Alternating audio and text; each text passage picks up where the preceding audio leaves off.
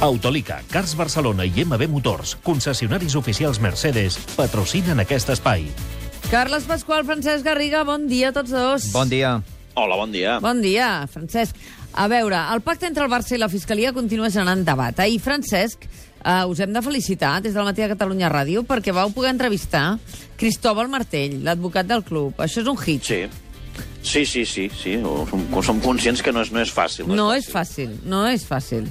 I, per tant, moltes felicitats. Va deixar clar que el pacte no obre la via de cap interpretació.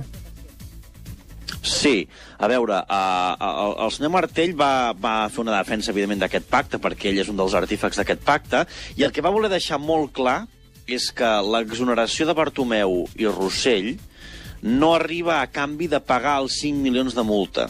Mm. És a dir, que són dues coses que van en paral·lel, però que no van lligades i que no és com una contrapartida.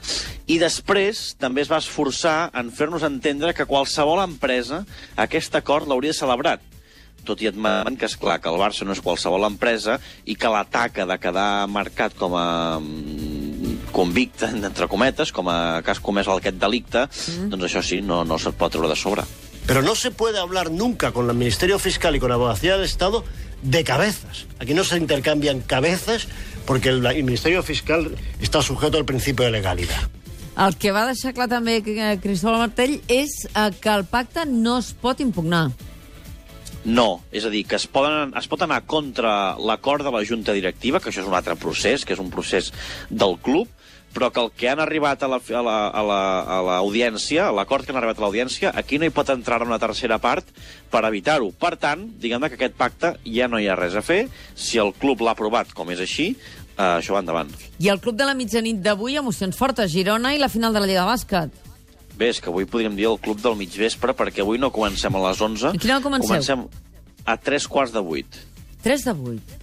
Això A 3 de 8. Avui farem 5 hores i 15 minuts de Club de la Mitjanit. Molt bé, perquè molt bé, volem, estàs a punt de- volem, volem viure l'emoció. Volem viure l'emoció. Girona primer, al camp de l'Ossassuna, partit històric. El Girona és a 180 minuts de pujar a primera i confiem.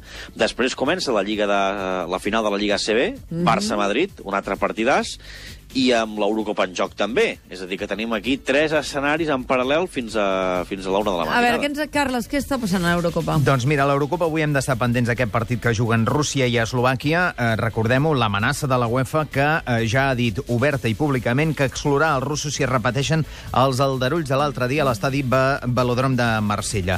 Ahir hem de recordar també que Cristiano Ronaldo i Portugal van debutar amb un empat a un, poc esperat, amb Islàndia. I a la Copa Amèrica també pendents del que ha passat aquesta matinada perquè Messi només ha jugat la segona part a l'Argentina 3, Bolívia 0, no ha marcat, els últims partits de quarts queden de la següent manera, Argentina-Venezuela i Mèxic-Xile. Els xilens han guanyat eh, també aquesta matinada 4-2 Panamà.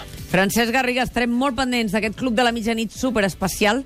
5 hores de programació per viure aquesta etapa final pel Girona, que ja veuràs que anirà, anirà fantàsticament bé. Tu què et diu el cor? Segur. Què et diu el cor? Jo crec, que, jo crec que aquest és l'any bo i el Girona puja a primera. Sí? A la tercera va Guardem el tall, Víctor Villar, guardem el tall de Francesc Garriga. No, no cal. Una abraçada, company, que vagi bé. Adéu, bon dia.